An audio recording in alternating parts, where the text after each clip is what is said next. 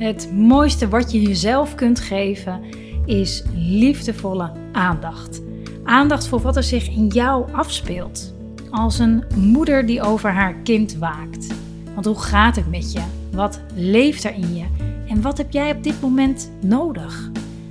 Lieve Moeders is er voor moeders met jonge kinderen die van deze periode in hun leven een onvergetelijke, waardevolle tijd willen maken. Waarin je je als vrouw en moeder persoonlijk ontwikkelt. En deze podcast gaat over mijn tekortkomingen en hoe ik die hoe dan ook projecteer op mijn kinderen. En hoe je ervoor zorgt dat je dat eigenlijk zo min mogelijk doet. Mijn naam is Marjolein Mennis en ik ondersteun moeders met jonge kinderen om het beste uit zichzelf en daarmee ook uit hun gezin te halen. Ik deel video en blogs over het moederschap op YouTube, Instagram en Facebook. Hallo lieve moeder. Eh, super dat je er weer bij bent bij deze lieve moeder podcast aflevering. En steeds meer lieve moeders vinden hun weg naar deze podcast. Super fijn. Dus ehm, heb jij een vriendin met nog jonge kinderen en wil je met haar deze inzichten delen? Stuur gerust een linkje door. Want hoe meer ontspannen, blije moeders, hoe meer we te geven hebben. Hoe meer we te geven hebben in alle opzichten. En in deze aflevering gaat het over mijn en wellicht ook jouw tekortkomingen. Maar laat ik eens beginnen met een vraag. Want als ik jou vraag: hey, wat wens jij je kind of je kinderen nou eigenlijk toe voor later? Als ze groot zijn, volwassen zijn, hoe wil jij dat je kind zich straks voelt? Hoe die, zich, hoe die doet, hoe die zich beweegt in deze wereld. Laat je gedachten daar eens over gaan. Kijk eens welke beelden, welke woorden er bij je opkomen. En als je dat zo door je hoofd laat gaan, vraag jezelf dan eens af: in hoeverre is dat wat ik mijn kind wens eigenlijk een opvulling van wat ik zelf, deels misschien, of heel erg, gemist heb als kind. Dus ga eens bij jezelf na dat dat wat je net dacht, hey, dat wens ik mijn kind toe. Is dat iets wat je zelf nu of als kind gemist hebt in je leven? Waar je graag meer van had gewild of minder van had gewild? En om even te illustreren wat ik bedoel, een, nou ja, een, een, gemakkelijk zichtbaar voorbeeld is bijvoorbeeld ouders wiens kinderen bijvoorbeeld op heel hoog niveau uh, sporten. Um, en hun ja, kinderen daar ja, buitengewoon in supporten hè, en ondersteunen.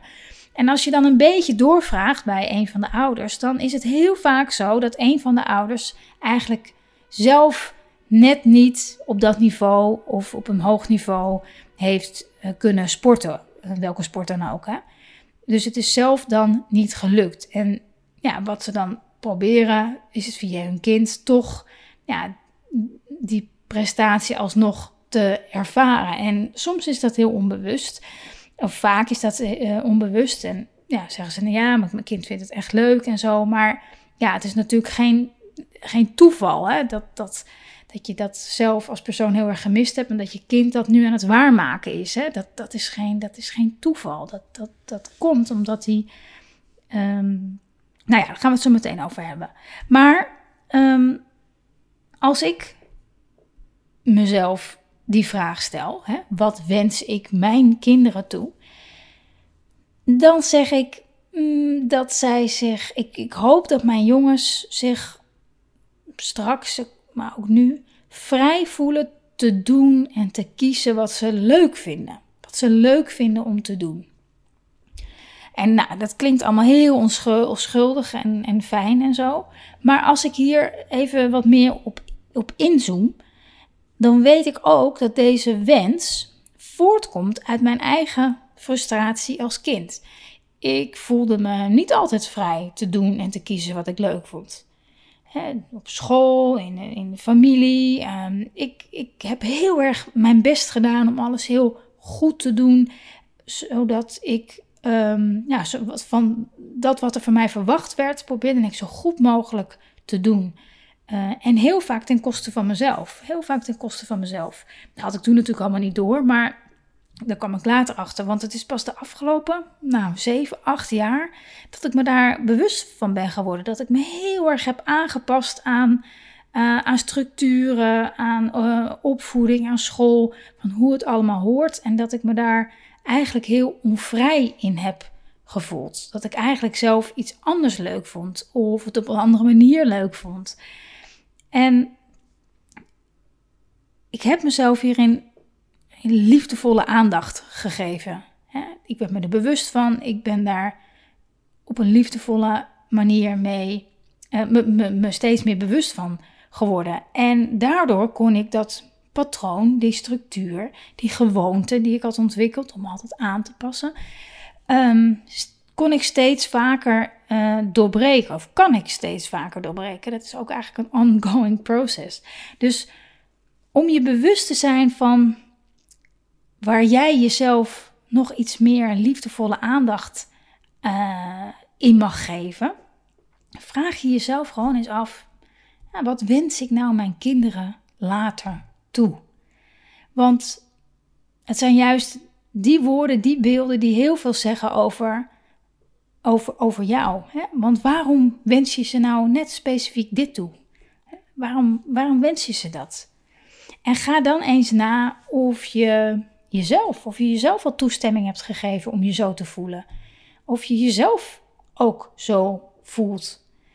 Want als dat zo is, of als je je daar bewust van bent, als je daar je liefdevolle aandacht uh, regelmatig aan geeft, dan geef je dit ook automatisch mee aan je kinderen. Dan geef je mee wat je ze graag mee wil geven. Dus een heel simpele vraag om meer te weten te komen over waar je zelf nog aandacht aan mag besteden, is jezelf te vragen: wat wens ik mijn kinderen toe voor later? En dan te kijken hoe dat bij jou op dit moment zit. Ga er eens mee oefenen. Vraag het ook eens aan je partner of aan een, uh, een vriendin.